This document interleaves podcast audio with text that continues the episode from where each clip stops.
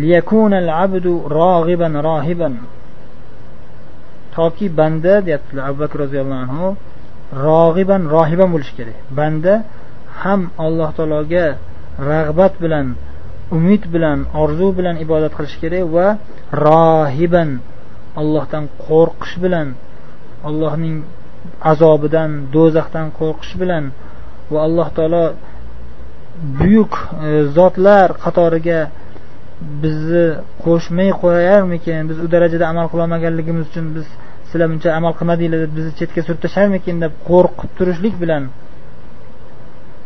Allohga iltijo qilib turish kerak deyaptilar. La yatamanna alalloh. Alloh taologa ey olloh man ko'p yaxshilar yaxshi ibodatlar qilganman deb turib haddan oshib katta umidlarni qo'yib tashlamaslik kerak. O'zi yaxshi amal qilmasdan turib man katta yaxshi amal qilganman deb o'ylamasligi kerak. Katta yaxshi amal qilgan bo'lsa ham mag'rurlanib ketmaslik kerak. Olloh qabul qilganmi yo'qmi xolis bo'lganmi yo'qmi sunnatga muvofiq bo'lganmi yo'qmi? Bu daraja hamma taraflar bilan taraflarini allohning yagona o'zi biladi. Siz bilmaysiz har qancha yaxshi amal qilgan bo'lsangiz ham baribir qo'rqib turishingiz kerak. Allohning marhamatidan ham tavbalarni qabul qilishligi bandalarga juda ham rahmli zot ekanligini ham eslab umidsiz bo'lmay qolish kerak umidsiz bo'lib qolmaslik kerak.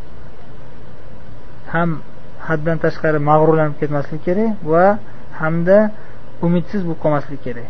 Ey mandan yaxshi odam chiqmaydi mani gunohlarim ko'p endi mani olloh qabul qilmaydi alloh mani jannat ahlidan qilmaydi mani do'zax ahlidan qilib qo'yadi deb umidsiz bo'lib o'ziga nisbatan ham boshqa birodarlarga ham nisbatan e, fosiq kam e, gunohkor bandalarni ko'rsa musulmonlar ichida e bularni olloh kechirmaydi bular unaqa bular bunaqa deb ularni pastga urib ularni umidsiz qildirib qo'ymaslik kerak. O'zi ham umidvor bo'lishi kerak alloh taolodan boshqalarni ham umidvor qilish kerak alloh taolodan va shu bilan birga o'zi ham alloh taolodan qo'rqib turish kerak jahannamdan qo'rqib turish kerak va boshqalarni ham jahannamdan qo'rqitib turish kerak. Alloh taoloning buyukligini eslatib qo'rqitib turish kerak taqvoga chaqirib turish kerak. Abu bakr roziyallohu anhu aytyaptilar agar endi sen mana shu vasiyatimni saqlasang senga ko'rinmayotgan narsalar ichida o'limdan boshqa suyukliroq narsa bo'lmasin.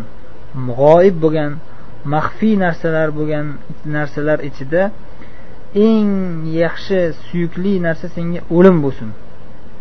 Ya'ni sen shu vasiyatga amal qilsang o'limdan qo'rqmaydigan bo'lasan. Atik. Qo'rqsang ham qo'rqmasang ham baribir o'lim keladi senga. Lekin sen agar shu vasiyatingga vasiyatimga amal qilsang o'limdan qo'rqmaydigan bo'lasan. chunki olloh bilan ro'baro bo'lishga inshaalloh senda umid bor allohning marhamatiga chunki yaxshi amal qilgan bo'lasan va allohdan qo'rqib ham allohga iltijo qilib turgan bo'lasan o'limdan qo'rqmaysan dedilar وإن أنت ضيعت وصيتي فلا يك غائب أبغض إليك من الموت ولست تعجزه ammo agar sen vasiyatimni zoya qilib qo'ysang shu vasiyatimga amal qilmasang maxfiy narsalar g'oyib narsalar ichida o'limdan ko'ra senga yomon yomon ko'rilgan eng qo'rqinchli narsang o'lim bo'ladi. Chunki sen tayyor emassan o'limga.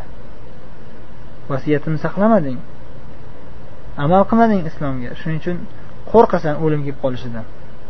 Eng qattiq qo'rqadigan narsa senga o'lim bo'lib qoladi. Lekin baribir o'limdan qutulolmaysan deyaptilar. Har qancha qo'rqsang ham har qancha ehtiyot bo'lsang ham o'limdan qochsang ham baribir qutulolmaysan. Bu yerda shu abu bakr roziyallohu anhuning vasiyatlari shu doimo inson alloh taologa bog'lanib turishi kerak. Alloh taolo buyurgan ibodatlarni chin qalbi bilan olloh buyurganday bajarish kerak. Va alloh taologa doimo ikkita ibodat bilan birga ibodat qilish kerak ikki xil ibodat bilan. Qo'rquv va umid. Ulamolar aytishganday bu ikkita qanotga o'xshaydi. Qo'rquv faqat qo'rquv bo'lib ketib qolsa ham bo'lmaydi havorijlarga o'xshab qoladi. Gunoh qilib qo'ysa bo'ldi halokatga tushdim endi olloh qabul qilmaydi deb qo'rqib yotaveradi. Haqiqatda o'zini halokatga olib ketib qoladi xudo saqlasin. Yoki faqat umidvor bo'lib ketib faqat o'zini qilgan yaxshi amallari bilan mag'rurlanib ketib qalbim toza man niyatim yaxshi odam mag'rurlanib allohga katta umidlar qo'yib taltayib ketsa u ham halokatga ketadi. Xudo saqlasin. Juda ham buyuk nasihat juda ham buyuk vasiyat. Hammamiz mana shunday buyuk vasiyatlarni eshitib qayta qayta shunga quloq solib amal qilishga harakat qilishimiz kerak عن عائشة رضي الله عنها قالت لما مرض أبو بكر رضي الله عنه مرضه الذي مات فيه قال انظروا ماذا زاد في مالي منذ دخلت في الإمارة. فبعثوا به إلى الخليفة من بعدي.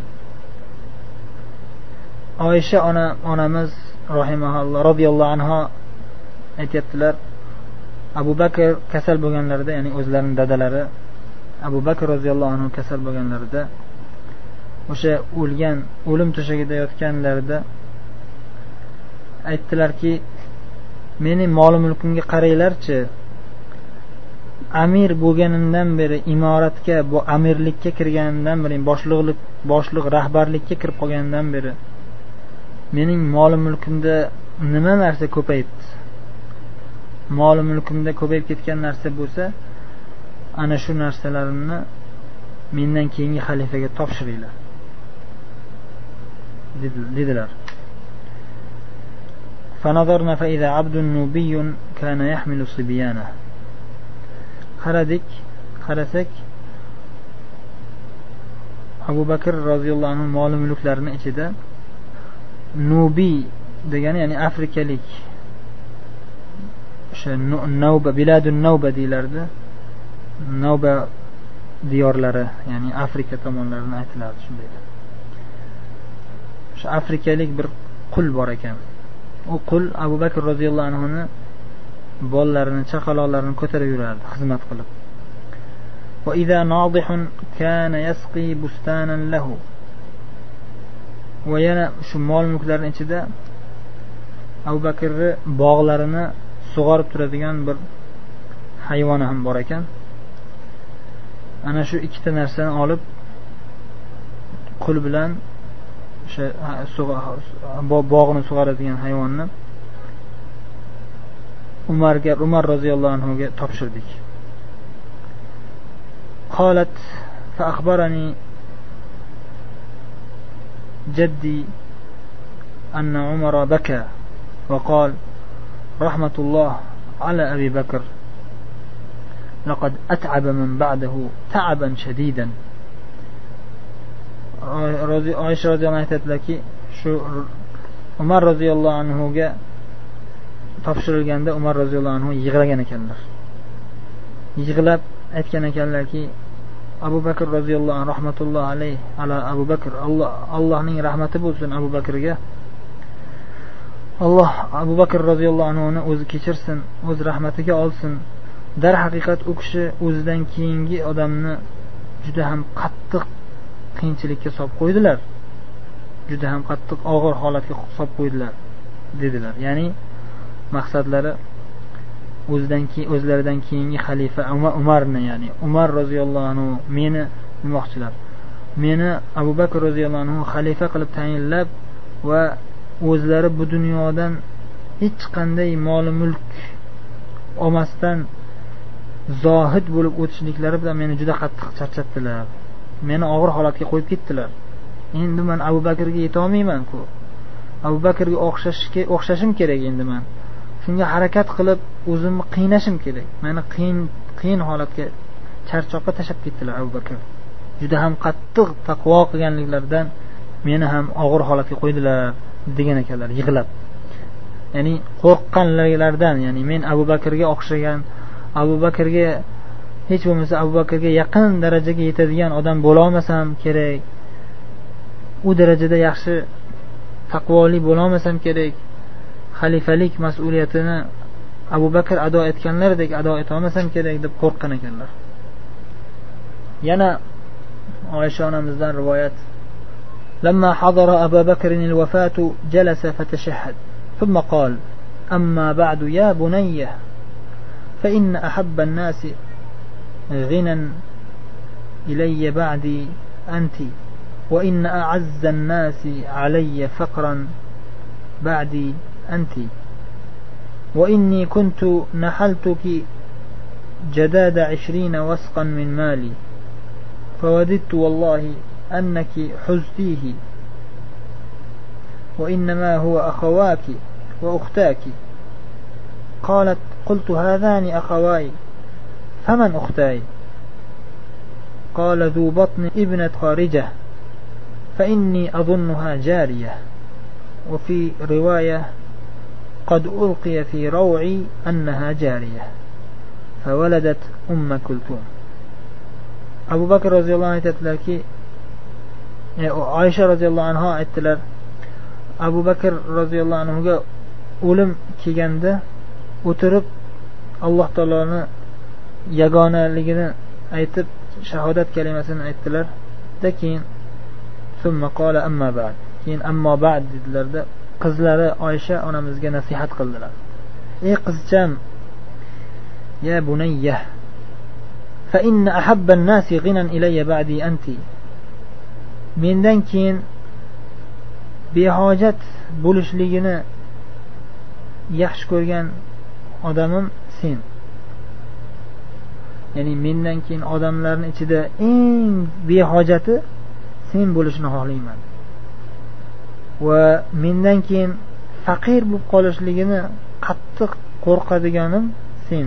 Ya'ni hamma odamlarni behojat bo'lishini xohlayman lekin sen ey qizim seni behojatroq bo'lishingni xohlayman. Va hamma odamlarni kambag'al bo'lib qolishidan qo'rqaman. Odamlar kambag'al bo'lib qolishlaridan qo'rqaman.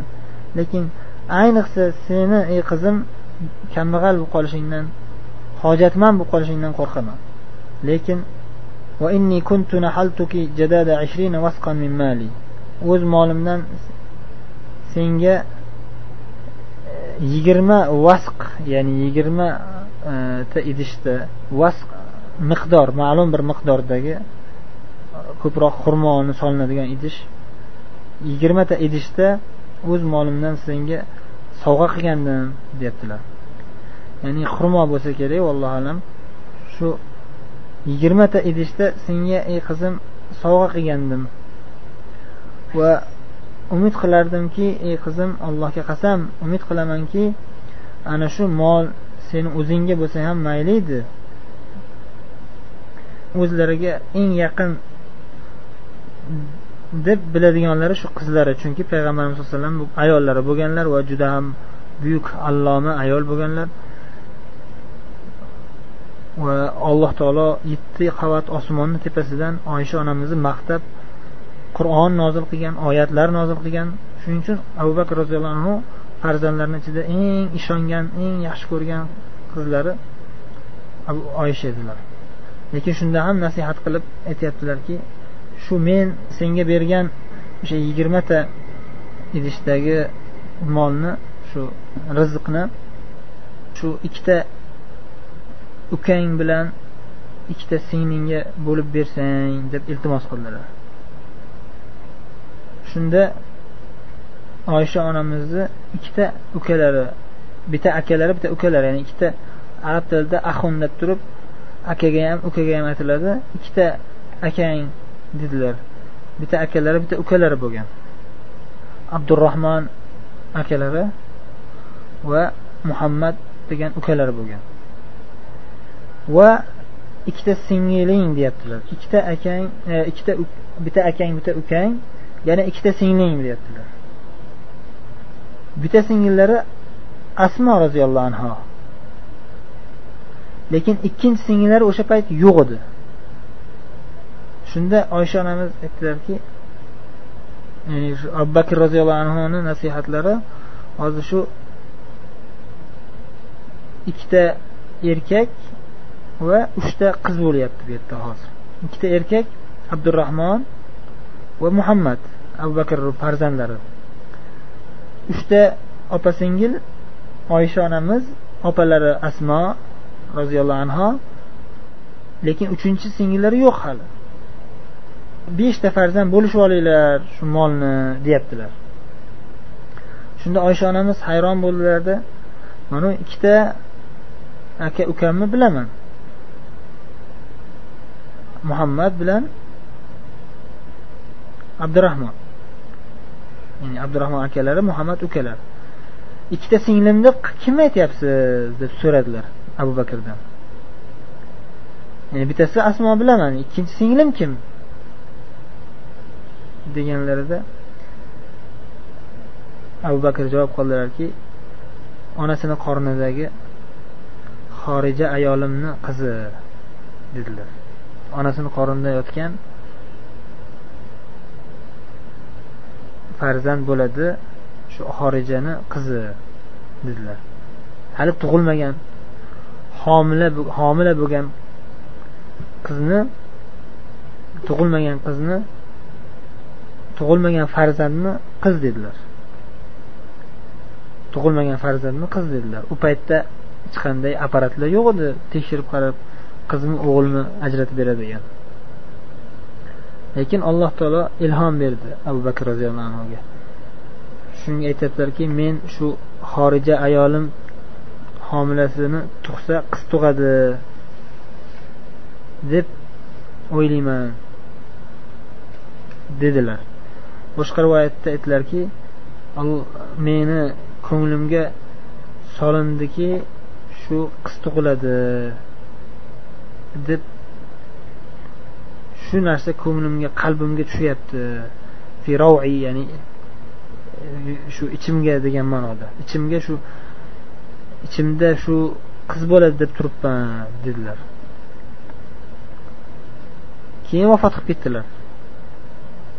Abu bakr roziyallohu anhu vafot qildilar. Vafot qilganlaridan keyin xorija ayollari tug'dilar. Tuqqanlarida ummu kultum deb nomlashdi qiz qiz tug'dilar. Shunday qilib abu bakr roziyallohu anhu anhuga bu bir karomat bo'ldiki alloh u kishini qalblariga soldi. Shu homila qiz bo'ladi degan narsani o'zlarini farzandlari. Keyingi rivoyatda yana oysha onamizdan aytyaptilar lamma saqula abu bakr qola ayyu yawmin hada abu bakr roziyallohu anhu qattiq og'ir kasal bo'lib yotganlarida so'radilar bugun qaysi kun? dedilar. Yavmul isnayn dushanba kuni deyishdi قال فإني أرجو ما بيني وبين الليل. قالت وكان عليه ثوب عليه رضع من مشق. فقال إذا أنا مت فاغسلوا ثوبي هذا وضموا إليه ثوبين جديدين. وكفنوني في ثلاثة أثواب أثواب.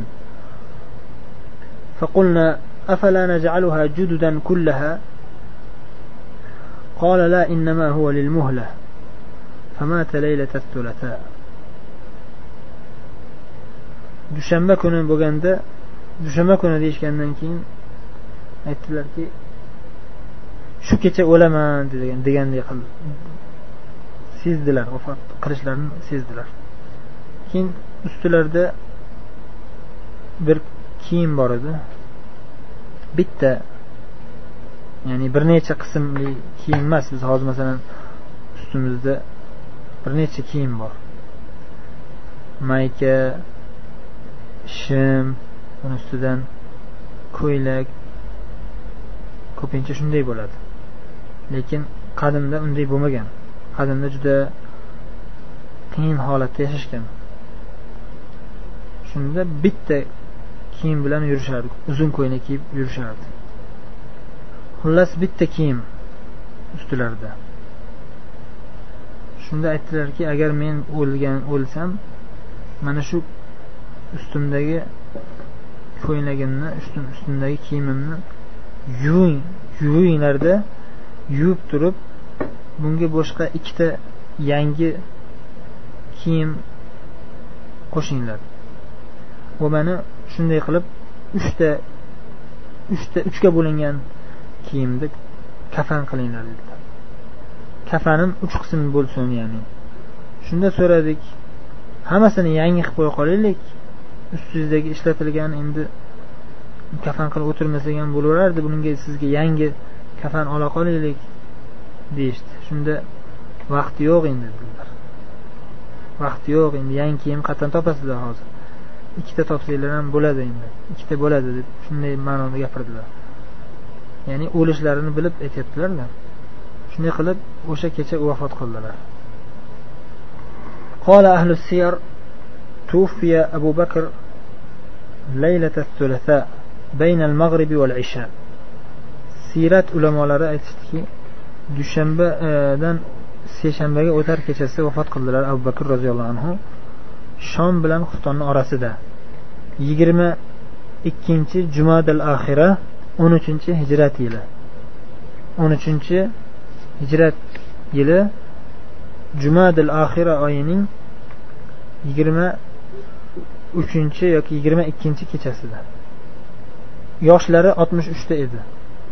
Vafot qilganlaridan keyin ayollari ichida ayollarini ichida asmo degan ayollari asmo degan ayollarini vasiyat qilib o'sha ayolim yursin dedilar. Chunki asmo roziyallohu anhu ya'ni ulug' sahobiya ayol katta ayollari bular.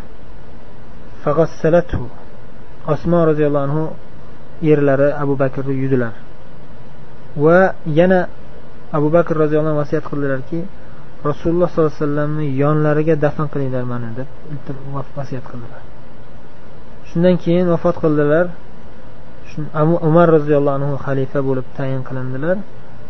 Umar roziyallohu anhu abu bakrga janozani imom bo'lib o'qidilar. Qabr bilan minbarni o'rtasida. Ya'ni qabrlari shu payg'ambarimiz qabrlari bu yoqda minbar shuni o'rtasida minbardan buyoqroqda qabrga qabr tarafda ya'ni abu bakrni qibla tomonga qo'yib turib orqalarida umar roziyallohu anhu keyin umar roziyallohu orqalarida jamoat janoza namozini o'qishdi. Keyin dafn qilishdi. O'sha payg'ambarimiz yonlarini kovlab qabr kovlab o'g'illari abdurahmon qatnashdi va umar roziyallohu anhu va usmon roziyallohu anhu va tolhat ibn ubaydulloh roziyallohu anhu abdurahmon roziyallohu anhu hammalari sahobiylar shular ishtirokida abu bakr roziyallohu anhu dafn qilindilar rahimahulloh va roziyallohu anhu وحشرنا في زمرته وأماتنا على سنته ومحبته alloh taolo abu bakr roziyallohu anhuni o'z rahmatiga olsin u kishidan o'zi rozi bo'lgan bo'lsin va haqiqatda rozi bo'lgan shu abu bakr roziyallohu anhuni jamoalarida ya'ni payg'ambarimiz sallallohu alayhi vasallam bilan birga va abu bakr roziyallohu anhu bilan birga bizni alloh taolo qiyomatda qayta tiriltirsin va hammamizni bu dunyodan ketishimizda shu rasululloh sallallohu alayhi vasallam va abu bakr roziyallohu anhuning sunnatlariga ustida vafot qilishimizni nasib qilsin va shu buyuk zotlarni chin qalbimizdan muhabbat qilib sevib yaxshi ko'rib vafot qilishimizni alloh o'zi hammamizga nasib qilsin dedilar. Allohu alam وصلى الله وسلم وبارك على نبينا محمد. السلام عليكم ورحمة الله وبركاته.